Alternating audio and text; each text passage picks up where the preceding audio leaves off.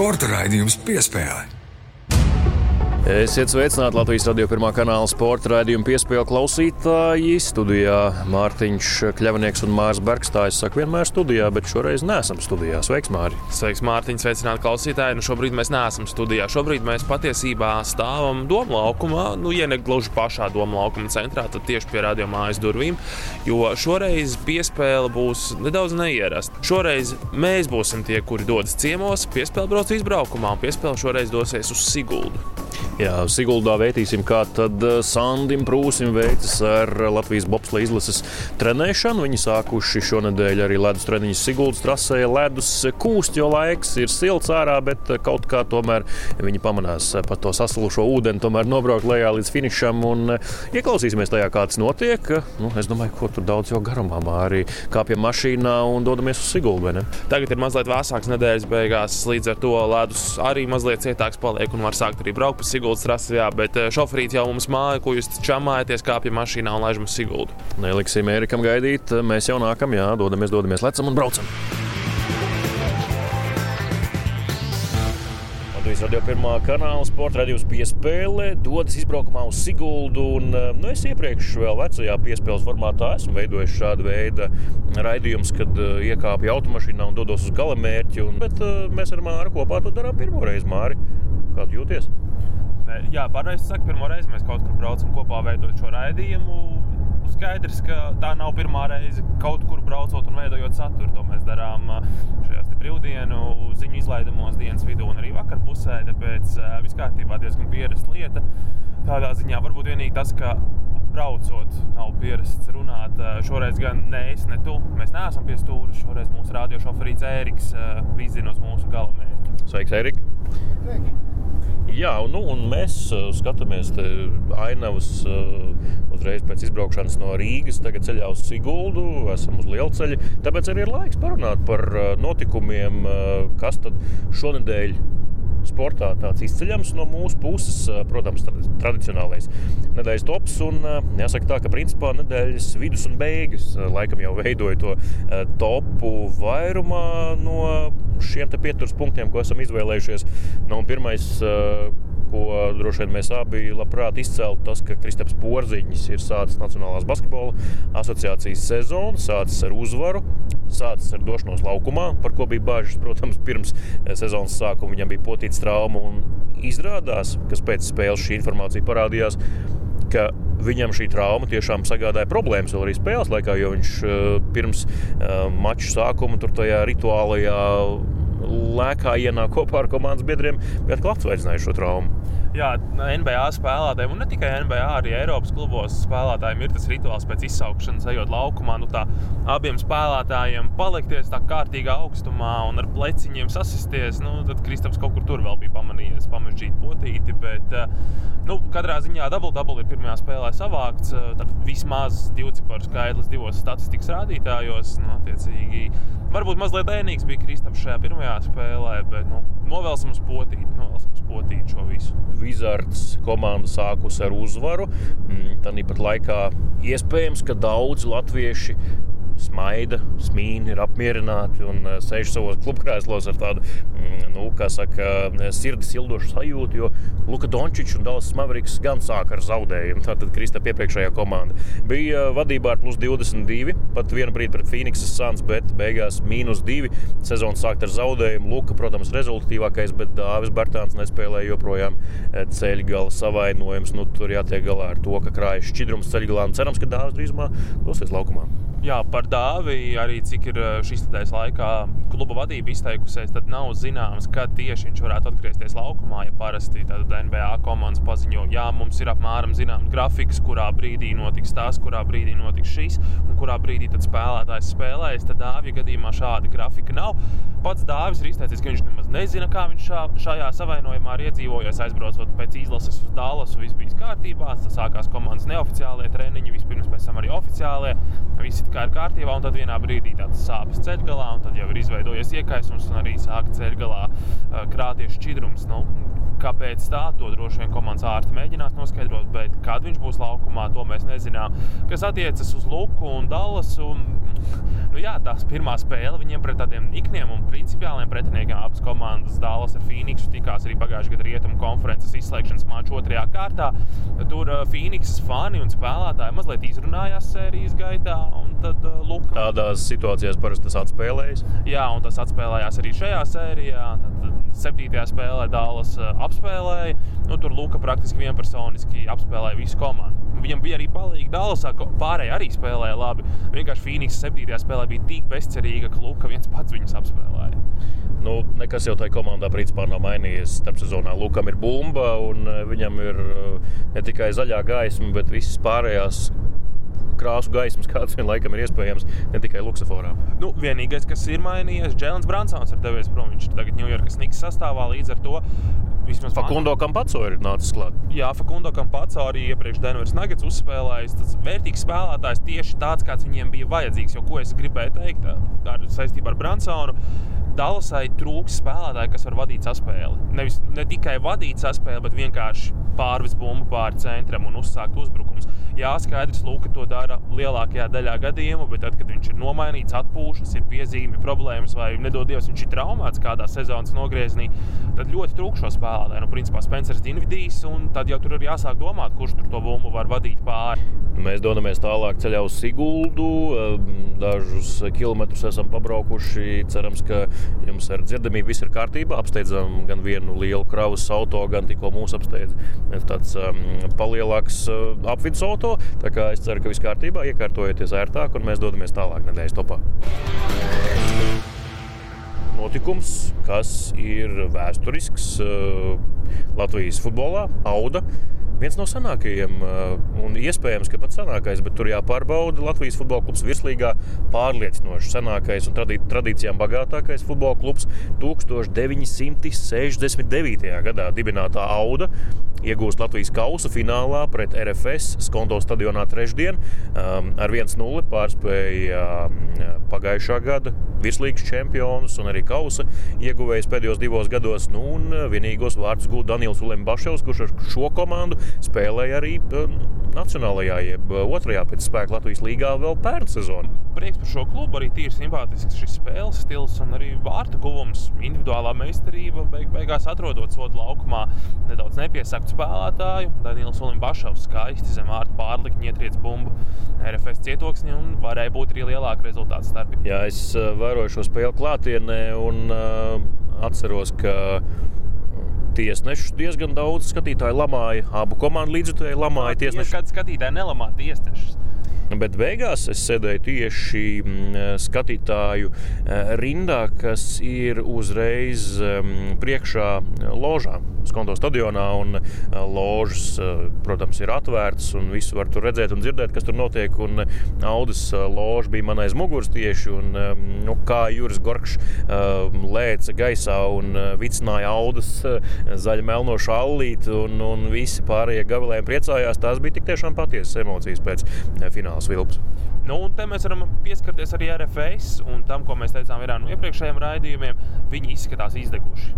Jo virslīga, kausa un konferences līga viņi ir pagaidām sākuši tagad. Un nākamā sezona viņi var būt tikai Latvijas virslīgā un Latvijas kausā. Uh, ja būs 4. virslīgā beig beigās tā tiešām var gadīties. Viņiem kalendārs ir ļoti smags. Tātad līdz virslīgas beigām ir četras kārtas.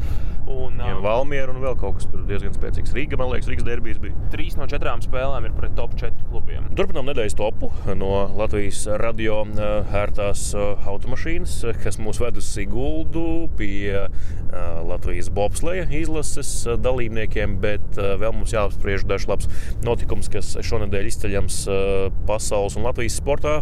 Un Nacionālā hokeja līnija Rudolfs Balcers eh, guvis pirmos vārtus mm, jaunās komandas Floridas Panthers sastāvā un ļoti skaistus vārtus guvis.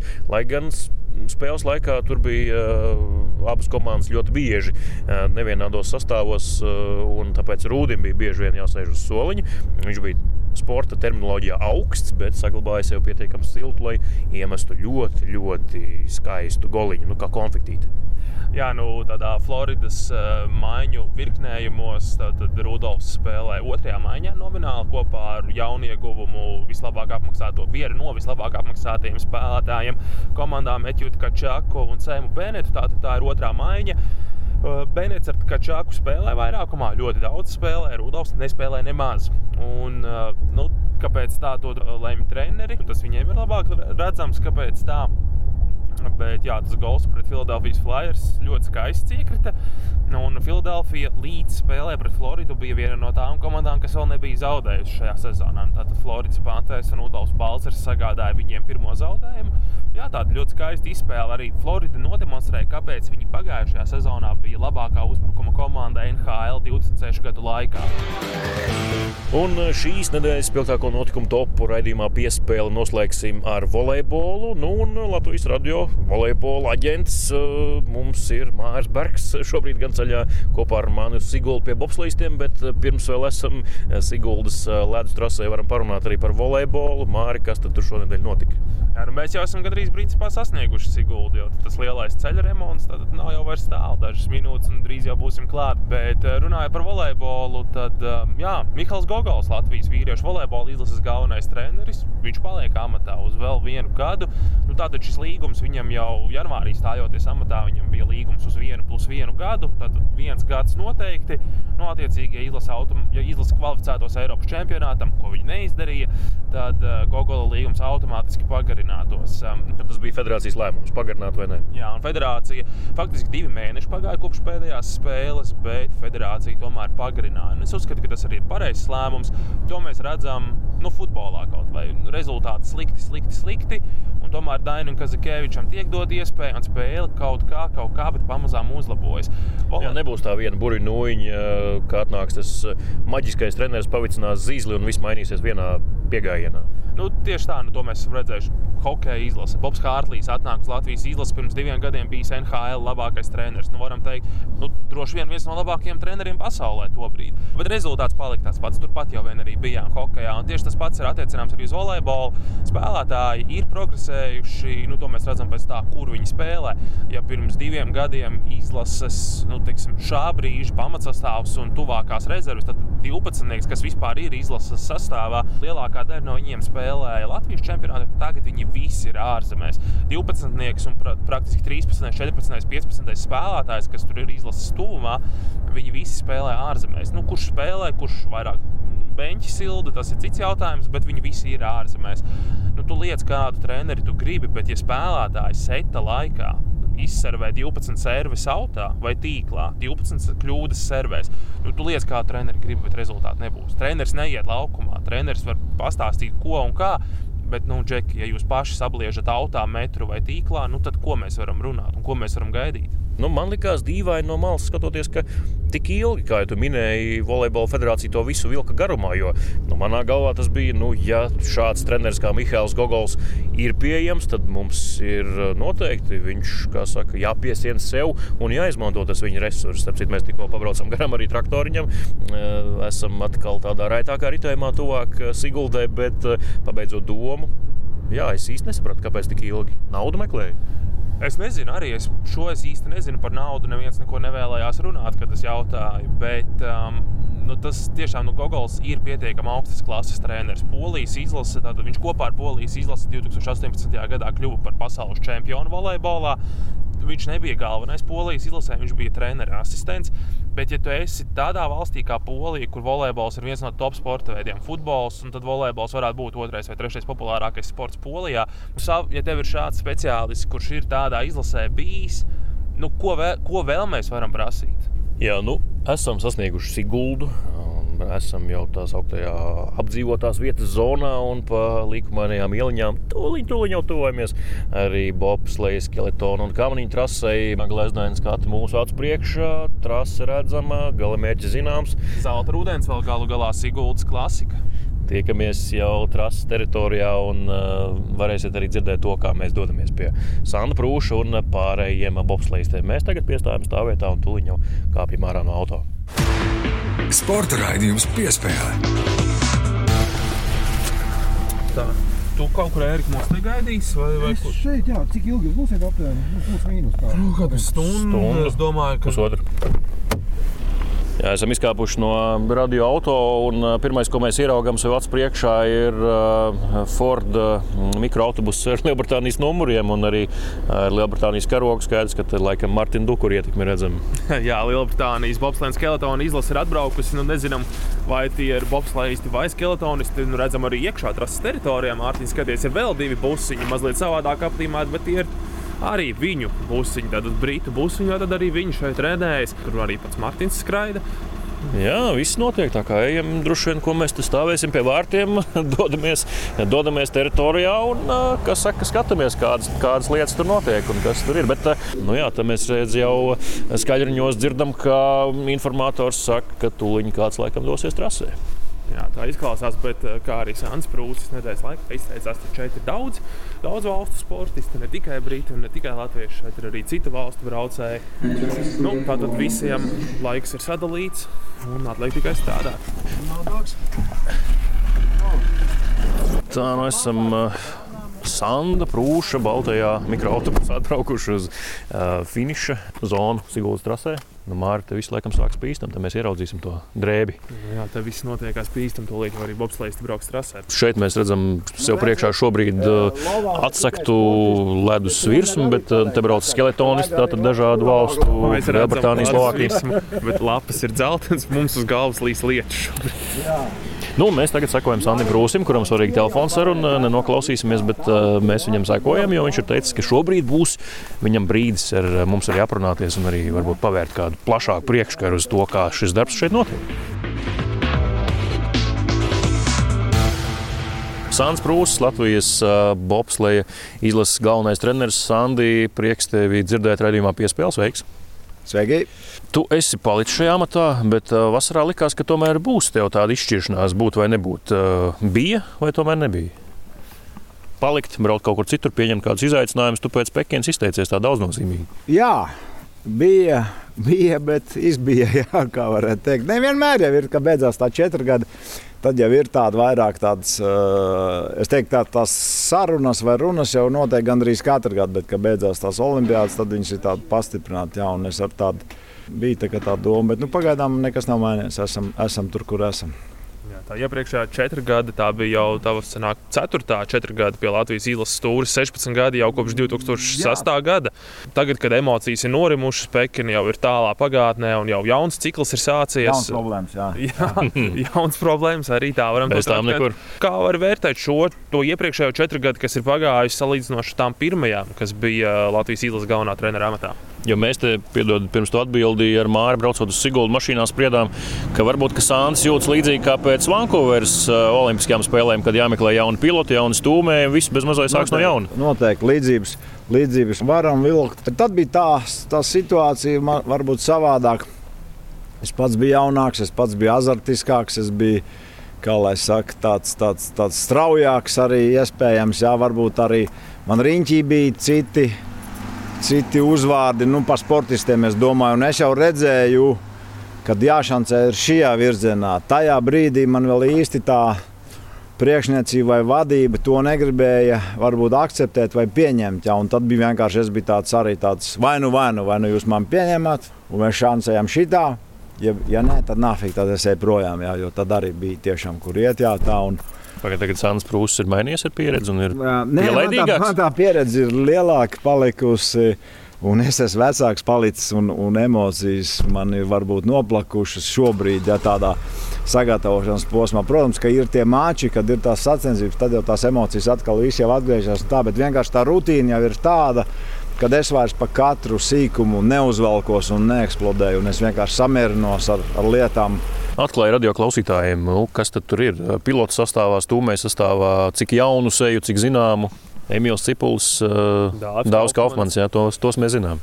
Es nevaru atbildēt vēl uh, simtprocentīgi. Visu vēl procesā. Jā, par šo visu es nevaru atbildēt, jo redz, šodien Dārzs Kaufmans ir ārā no treniņa. tā kā, mm, Vai viņš būs uh, uz priekšu? Es ceru, ka jā, bet uh, man ir jo treniņš bieži vien, jo jauna situācija, un jo arī ziemā, kad brauc uz ceļu tādiem jauniem, neparedzējušiem pilotiem. Jo jauna trase, jo veidojas jauna situācija. Es esmu saplānojis tā, bet viens kritiens maina radikāli visu. Un, diemžēl vakar arī bija kritiens. Ja, tā kā, tā kā tas arī izmainīja. Piemēram. Tas pagaidām iespējams, ka mainīs arī plāns. Bet es ceru, ka nē, ka nebūs tik nopietni. Dāvis apkrita jau pirmajā braucienā. Jā, otrajā, pirmajā, ne otrajā. Viņam arī pagājušā sezona nu, ne īpaši Jā, labi gāja. jā, tieši tāpēc tas mani dara uzmanīgu. Un, kā lai saka, arī Dāvim, arī man būs jādomā. Tā jau domāts nav nejaušība, tā ir vai likumsakarība. tas, vai tas vispār ir domāts viņam, es tā teikšu. Bobslēgā jau mums arī tie jaunie piloti kaut kādi nāk iekšā, kalendā vēl tur vairāki. Kalenda, kas arī brauks tagad uz Eiropas kausiem, jā, ļoti labi sev parādīja vasarā, progresē fiziskie rezultāti un viss. Es ar viņu tiešām rēķinos, nu, godīgi sakot. Viņš varbūt ir viens no tiem iemesliem, kāpēc es esmu šitā. Tā varbūt, varbūt teiksim tā. Un, un, Viņš ir tāds tīradnis, diamantiņš tāds. Jā? Nu, Es vēl par to neteiktu, jo es, es, es viņu vēl tik labi nepazīstu, un es viņu neesmu atklāts vēl, ja tā, ja tā godīgi. Bet jā, un vēl ir divi, kas nākošais pievienosies, jo skolā būs brīvlaiks. Ir, ir Ozols Mārtiņš un, un Grantiņš eh, Renārs. Tur pavisam tādi jauni džeki ir ienākuši. Jā, tie ir tie 18 gadīgi čalīši skolnieki, bet viņi ir braukuši jau monobobu. Tā kā es saku, viņi ir tādi čaļi, kas nav redzēti nekur ne mačos, ne protokolos, bet viņi ir, mēs viņus visu laiku paralēli gatavojam. Tā kā, nu, kā varētu teikt, sporta skola, jo mēs, man liekas, esam vienīgais. Vienīgais olimpiskais sports veids, kuram nav vispār savas sporta skolas jā, valstī. Tā kā, tā kā mēs paši gatavojam sev rezervus. Emīls Cipulis, tas ir kā viņam. Viņš tomēr, nu, pēc tā, ko mēs tur redzam Es sociālajos tikai- tīklos, es ka varu- viņš trenējas ļoti Es nezinu, es nesakoju līdzi sociālajiem tīkliem, bet uh, es varu tikai paslavēt viņu. Viņš ir centīgs čalis, uh, tiešām malāts un, un arī, saka, pielicis pats uh, savā attīstībā, gan fiziski, gan, gan mentāli, gan visādā ziņā. Protams, daudziem liekas, ka tev neko nevajag iesēties kastē un tā tev novizinās bet nu, kaut kāda, kaut kāda kripatiņa jau to talantu vajag. Ja, tad nu, redzēs, kā Viņiem jau būtībā šī būtu tāda izšķiroša, nevis izšķiroša, bet diezgan svarīga sezona, ja, jo līderis Čibermans ir nost. Viņiem ir iespēja tikt eh, pie ķibermaņa stūmējiem, nu ne ķibermaņa, no tie stūmēji, kas brauc ar viņu, nav viņa privātie. Ja. Un, un tāpat tās to tehniku, ka viņš var paskatīties uz sevi no tās puses, kā ir, kad viņam ir vislabākais riņķis. Tas pats līdzīgi arī stāsts par Kaufmanu, ja, ka būtībā jāizšķirās. Viņiem ir iespēja dot, viņiem ir abiem iespēja tikt braukt pasaules kausā. Tā ir viņu, viņu iespēja. Mūžs senais jautājums, ko es liekas, tev katru rudeni uzdodu stūmai atlases. Rīkojāt arī vēlēšana dienā, 1. oktobrī, vēl vienu papildu atlasi. Atradāt kaut ko? Priekš šitā sezonas nē, bet eh, tā bija arī tāda galvenā doma. Vairāk uz tiem mūrjāņu džekiem balstīta, lai, ja ir interese pamēģināt, un varētu kāds gatavoties jau tam bobslēm nākotnē. Jā, jo ne jau visi metīs to disku, vai skries to sprintu, vai, vai daudz viņa taisīs. Jā, ja vienkārši kādam ir interese par to bobslēju, tur, tur pāris, es teiktu, divus čaļus, eh, tā, es nezinu, kā lai to pasakā, nodraftējām. Jā, nu, tā, tā pārnestā nozīmē, protams, bez kontraktiem, bez, bez naudām, bez tā, nu vienkārši tā. Jā, nu labi, es domāju, Sandra, mēs tev vairs neaizkavēsim. Viņa pauze nes, pēc tam var man vienkārši divi mm. nobraukt. Tad, Jā. tad es Nav problēma. aiziešu līdz viņiem, pēc tam atkal varēšu. Jā, nu ko māri kāpjam uz uh, paaugstinājumu un skatāmies. Jā. Jā, nu es, te, es vienīgais es nevaru pateikt, kurā virāžā mēs esam. Es esmu redzējis televīzijā daudz un dikti šo vietu, bet es tiešām nezinu, kurš, kurš kārtas numurs šai virāžai ir. Nu, Emīļa Cipuļa vadītās komandas tuvojas uh, mums ar Māri. Lūk, arī pabrauc garām tik tikko. Ļoti ātri tas viss notiek. To mēs esam redzējuši daudz un dikti savā dzīvē. Kā tikko informators paziņoja 114,2. Protams, ziemā, tad, kad būs ārā augsts un arī ledus būs labāks un svaigāks un tikko noliec, būs ātrāk, krietni ātrāk. Bet stāvot lakām, tas ļoti ātri aizskrien garām tās komandas. Prasa brīvi Jēkabs kalendārs pateikt. Arī mums tuvojas uh, jaunais pilots Jēkabs Kalenda. Un arī viņš pazib garām sekundes laikā. Jā, nu Sāns Prūsis arī kāpja lejā no paaugstinājuma, dodas pie pilotiem. Droši vien pārunāt to, ko ir uh, redzējis. Lai gan es joprojām nesaprotu, kā tur var kaut ko izanalizēt tik īsā laika sprīdī. Kurš mūsējais nokrita vai Mūsēs, mūsēs. ah, kalendārs? sanāk? Jā. Nu Sānis ir atgriezies. Turpinām nedaudz sarunu. Sānda, jā, nu atkal kritiens. Jā. Jā, diemžēl tāds ir tas, tāds ir tas sports veids, ka tas mēs maksājam dārgi par kaut kādu citu. Basketbolā, futbolā, tu apkrītlā, futbolā tur ir pierasts, ka jātēlo, jā, jāguļ zemē, bet, bet citur iedod roku, celies augšā un Nē, te var to pašu dot, bet vienkārši te bieži vien ir tā, ka tas caur slimnīcu notiek. Jā. Paldies Dievam, zilās gaismas nav. Viss kārtībā. un Jā, jā, Pastāstīja, jā. kas- ka- kāpēc tā sanāca. Jā, jā, viss saprot. Jēkabs ātri uztver lietas, šādas labojumus, kā viņam vispār ir ar to trajektoriju Nu, viņš, jau ir nav pieredzējis, ja viņam tāda otrā sezona, viņš pa to Sigultē pabraukājis un divās trasītēs ārzemēs vieglās salīdzinoši bijis. Ja, Iepriekš Oskars viņu skoloja Melbārds. Jā, jā, bet nē, nu, viņš Osk Oskars jau te arī tagad ir. Bet, uh, Visi mēs te kopā tagad. Bet, nu, tas sezonas sākums, un, un viņš, viņš saprata. Man, man patīk, tad. Man nepatīk, ka nokrīt, bet man patīk, ka cilvēks, es viņam prasu, kāpēc nokrīt, ka viņš izstāsta, kāpēc nokrīt. Sūdi tad, ja viņš nokrīt, es nezinu, kāpēc es nokrītu. Tad tu ne, nekontrolē situāciju. Tas nozīmē, ka tu neķer to laukumu. Jā, bet viņš pagaidām viss ķer, viss ir normāli. Jā, runājot par skološanos ārzemēs, mēs ar Mārtiņu tagad, kamēr bija braucieni, tā domājām, pavasarī Emīls Cipulis bija Laikplēsidā, viņš mācījās to trasi. Laikplēsida ir tā trasi, ja tu viņu nobrauc, tad tu kaut ko bobslējā saproti. Nu, Kaut kas no tevis var sanākt. Tā kādas ir atsauksmes? uh, Nē, nu, no viņa visu pašiem? nobrauc. Viņa jau trīs gabalus bija nobraucis. Cipulis nobraucis, Kaufmans nobraucis, arī Kalenda bija līdzi. Mm. Arī. Bet nu, viņš jau monobolu pārsvarā brauc. Vienīgais, ko es varu pateikt, jā, tā ir baigā trāsa, baigā bobslēga trāsa. Bet ir atšķirība, vai viņi ir ātri vai viņi ir lēni. Viņi bija salīdzinoši lēni tajā pavasarī, jo bija silts laiks un tā sārma. Bet, ja viņi ir divas sekundes vai trīs ātrāk, nu, tas ir īstenībā te jau tas pats. Ir jau uzreiz liekas, ka cits sports veids un cits, cits stāsts uzreiz iestājas. Bet, nu, cepuri nost, viņi tur pabrauc, jo bieži vien jau tev vajag apgūt. Gan tās iemaņas, gan to psiholoģiju. Tāpēc, ka bieži vien saklausās, ah, kungs, tā tā trakā trāstā. Negribu tur rupjas vārdus teikt, bet tie, kas tur baidās un raustās, tie to stāstīņus arī izdomā. Nu, un tad uh, starptautiskā sezona šogad pa Eiropu. Jā. Jā, jā. Tas tāds racionāls lēmums. Gan, gan, var teikt, no visiem viedokļiem runājot īstermiņā par šo sezonu, noteikti tas bija labākais lēmums. eh, Gan no praktiskās puses, apgūt vairāk tos braucienus un, un mačus, un vispārējais sagatavoties tajā pasaules kausa sezonai, kas sāksies janvārī. Nu, protams, finansiālo pusi mēs nevaram tā ietekmēt, bet tā arī bija ļoti, ļoti smaga. Jā, Sūtīt uz turieni tos bobus un atpakaļ. Bet, kā jau teicu, cerams, ka tas neiegriezīsies mums ilgtermiņā, jo Jo agrāk vai vēlāk mums būs jābrauc uz to Visleru arī ja, un jāmačos tajā laikposmā. Tā tās ir trases, ko viņi vēl nav apguvuši. Ja varbūt tās tas būs rops Olimpiskajā sezonā, kas sāksies kaut kāda kvalifikācija vai kaut kas tāds. Bet, nu, Tad arī domāsim. Darām to, ko varam atļauties. Visas tās sankcijas, es domāju, pa īstam, ja mēs to krīzi vēl neesam sākuši just, mēs tikai vēl jutīsim, jo mums jau tagad arī daudz sponsoru nogāja nost. Visu to krīzi, mēs vēl dzīvojam uz to veco vilni, var teikt. Jā, bet tagad, kad šī sezona nākošā jau būs, tad, nu, tad jau mēs to reālāko situāciju redzēsim īstenībā vairāk. Ko tu, Sandi, vari teikt par uh, Startautiskās federācijas nostāju pret uh, Krieviju un to, kā viņi rīkojušies? Kādas tev pašam vispār domas par to visu? Kāds man domas? Sāspēr viņas joks, jo kādi tos krievus visus, bet uh, ko es varu pateikt? Es saprotu, ka tā ir baigā politika, jā. tā padās kā tas karš, jā.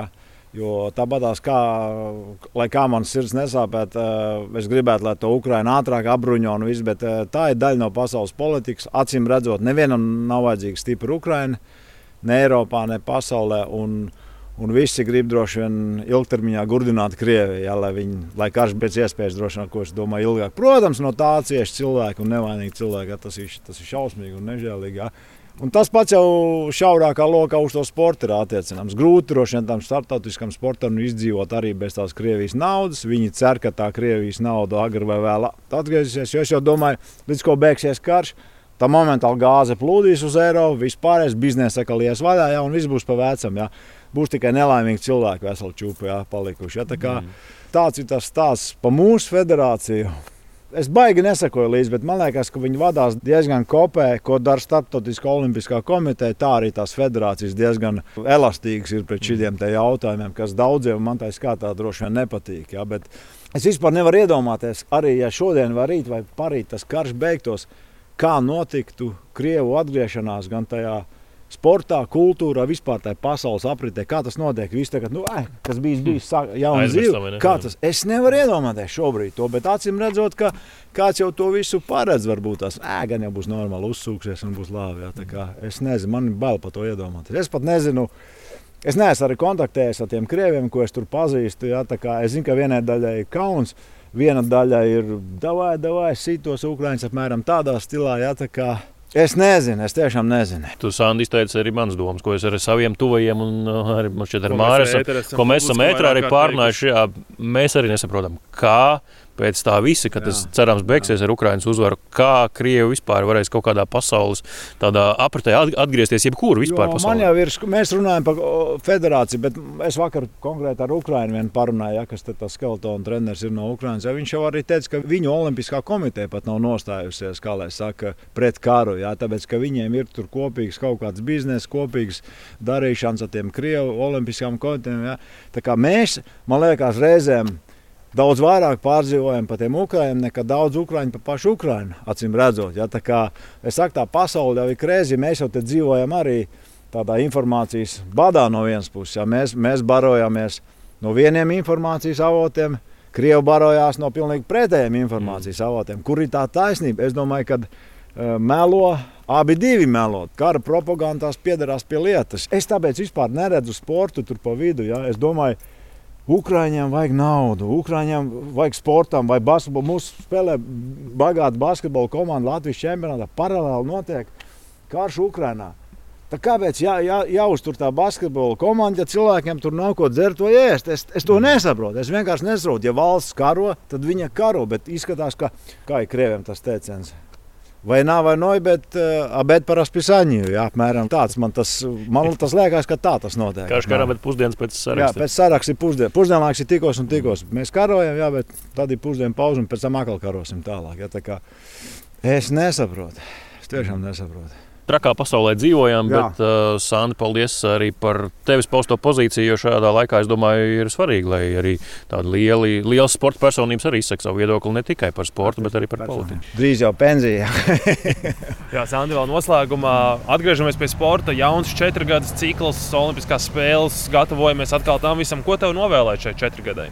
Pacietību, izturību, nezinu, veiksmi, ko? Naudas maisa, lai kāds atnāk. Nē, nav par naudu. Visi ņauda arī droši vien Ilonam Maskam naudu par maz droši vien. Jā, bet es domāju, ka vajag sakarīgs cilvēks, vajag sakarīgs sportists, lai, atnāk, lai būtu tiešām gandarījums un prieks strādāt ar, un arī no viņiem kaut ko varētu. Ja tādi būs, tad arī būs rezultāts. Es, es varu to tikai pateikt. Kā ir degāts puikām? Kā kuram? Tur jau tā lieta, kā kuram. Es priecāšos, ja būs divas, bet beig beigās mums jau vajag vienu, bet labu ekipāžu. Jā. Nu, tad to arī novēlam. Paldies, ka ļāvi mums ielūkoties savā darba aizkulisēs, kā strādā izlases, un tad Jā. lai veicas. Okay, paldies! Paldies. Finiša laiks 53, 61. Lūdzu visiem, Andrija Otrasi, everybody close your Vienmēr arī bobslejas treniņš laikam ir noslēdzies. Mēs tā saprotam, nu, un kravas auto tiek saliktas kamanas. Un, ko mēs darīsim? Leksim iekšā, ja Mēs, kamanās. mēs kāpsim kopā busā, jā, kravas mašīnā kopā ar bobslēgiem. Mazliet maisīsim gaisu. Latvijas izlases bobsleja pilots Emīls Cipulis. Arī viņu esam satikuši šeit, viesojoties Siguldā. Emīl, kāda bija treniņa diena? Treniņa diena, kā viss, bija smagas, jo sākām no rīta ar fiziskiem treniņiem. Tad nedaudz pa dienu sanāca atpūsties, kādas divas, trīs stundas, un tad jau braucām uz trasi. Mēs aizvedām trases treniņu stundas garumā. aptuveni. Tā tāda rutīna jau viss strādājusies. Palielam, jā, ir jau pierasts jau kopš vasaras. Bet es no Sānas sapratu, ka arī nu, jūs, protams, ka sekojat līdz laika prognozēji un kā ar to ledu būs, vai ir vērts braukt konkrētā dienā. Ja? Nu, jā, aptuveni. Pieņemsim, divas dienas atpakaļ bija ļoti silts un vējš pūta. Principā nebija iespējams aizvadīt treniņu no trases augšas, jo tur nebija ledus. Jā, tā mēs paskatāmies līdzi, lai apmēram nu, nojaustu, kāds tas ledus varētu būt tajā attiecīgajā dienā. Mums no malas skatoties, izskatījās, ka mums ļoti ātri, nu, kā vienmēr, bobslējā pašājās garām zibenīgi, bet mēs ar Sandu arī runājām. Tagad ātrums 113, ziemā būs 120 un uz augšu. Kā tev ir tā sajūta, Bobā? Nu, ir tas ātrums, vai man liekas, nu, tā bišķi lēni, kaut kas nav, tā kā var pastūrēt, padomāt, tur kaut kā paskatīties. Pirmie braucieni, lai gan lēnāk, tāpat liekas, ka ir diezgan ātri. Kamēr nu, aprod ar to ātrumu, kad nu, ātri tomēr viss tāpat trasē notiek. Tādā ziņā labi, ka varbūt ledus šobrīd ir nedaudz lēnāks nekā būs sezonā, jo nu, uzreiz uz tādu ātru ledus uzkāpt nu, ir ļoti, ļoti jākoncentrējas. Īpaši Siguldā, jo nu, nav vienkārši arī tāda lēna ledu. Diezgan jādomā, lai nobrauktu tā. Nu, tiešām normāli. Par šo sezonu gaidāmo nu, Neviļs, tu esi kļuvis par pieredzējušāko pilotu Latvijas izlasē. Tas te uzliek kaut kādu papildus spiedienu, tu varbūt uh, kaut kādas lietas vērtē citādi šobrīd, vai esi tas pats Emīls Cipulis, kas pirms gada? Es cenšos par to nedomāt. Es Now uzvarēsim atbildēt prasēm, vai kur repeat, please. Jā, Olga Jā, nu, katru reizi izējot uz starta, es, es vienkārši zinu, kas man ir jāizdara. Nedomāju par to, vai es tur esmu pieredzējušākais vai kaut kāds vadošais, vai es vēl nezinu, kā tur varētu nosaukt. Jā, mēs ar Mārtiņu arī skatījāmies, treneris stāv uz vienas platformas, filmē. Ir noteikti pat rāsi vēl vairāk treneri, kas ir izvietoti to pašu dara. Tagad pēc treniņa aprunājāties, kas bija labi, kas netika labi, kur augstāk, kur zemāk jāpabrauc. Jā, pēc katra brauciena mēs analizējam trasi un pēc tam. Nu, tas ieguldā tepat uz vietas. Visus braucienus apskatāmies, izanalizējam aptuveni, ko un kā vajadzētu pamainīt, kā būtu labāk. Un, ja teiksim, ārzemēs, tad tas arī uz trases, trasē uz vietas. Pirmo braucienu apskatāmies, otro, un tad jau viss brauciens, nu, atgriežoties jau viesnīcā vakarā. Treneris Prūsis izteica tev uzslavas par ieguldīto darbu. Vasarā arī sociālajās lietotnēs redzējām, ka ļoti daudz strādāja. Praktiski tev bija ļoti maz tāds pārtraukums. Vismaz cik varēja noprast pēc eh, Instagram ierakstiem. Eh, Pats kā jūties, cik daudz esi progresējis pavasarī? Par progresu ir grūti pateikt, jo tiešām tas pārtraukums starp uh, sezon, iepriekšējās sezonas beigām un to vasaras sagatavošanās posmu bija ļoti īss.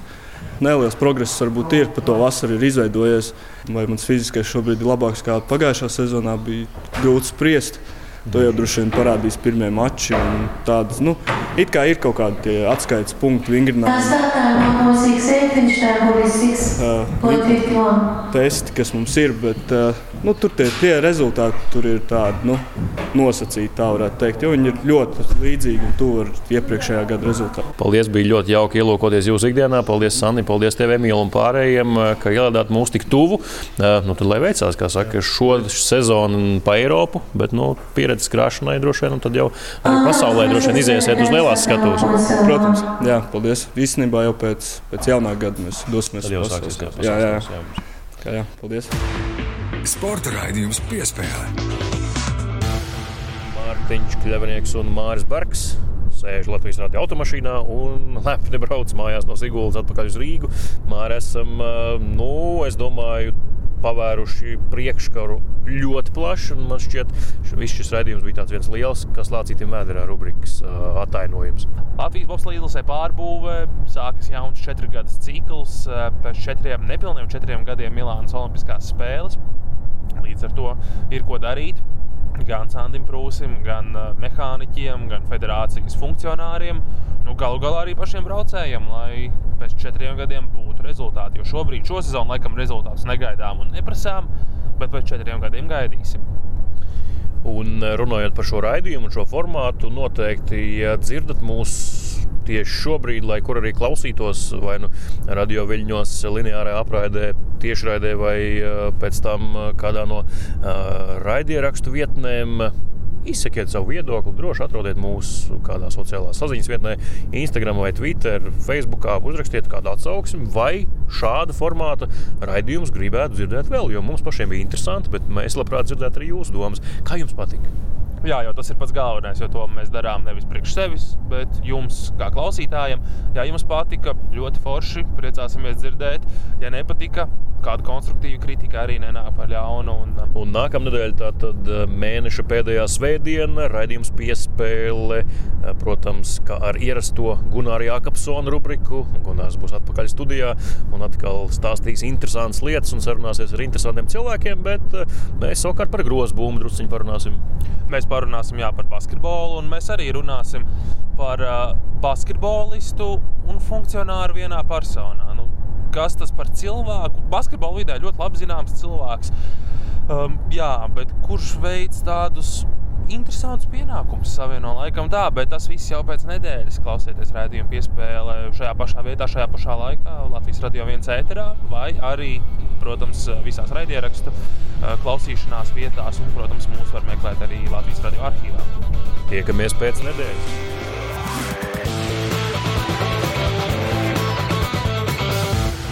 Sporta raidījums piespēlē.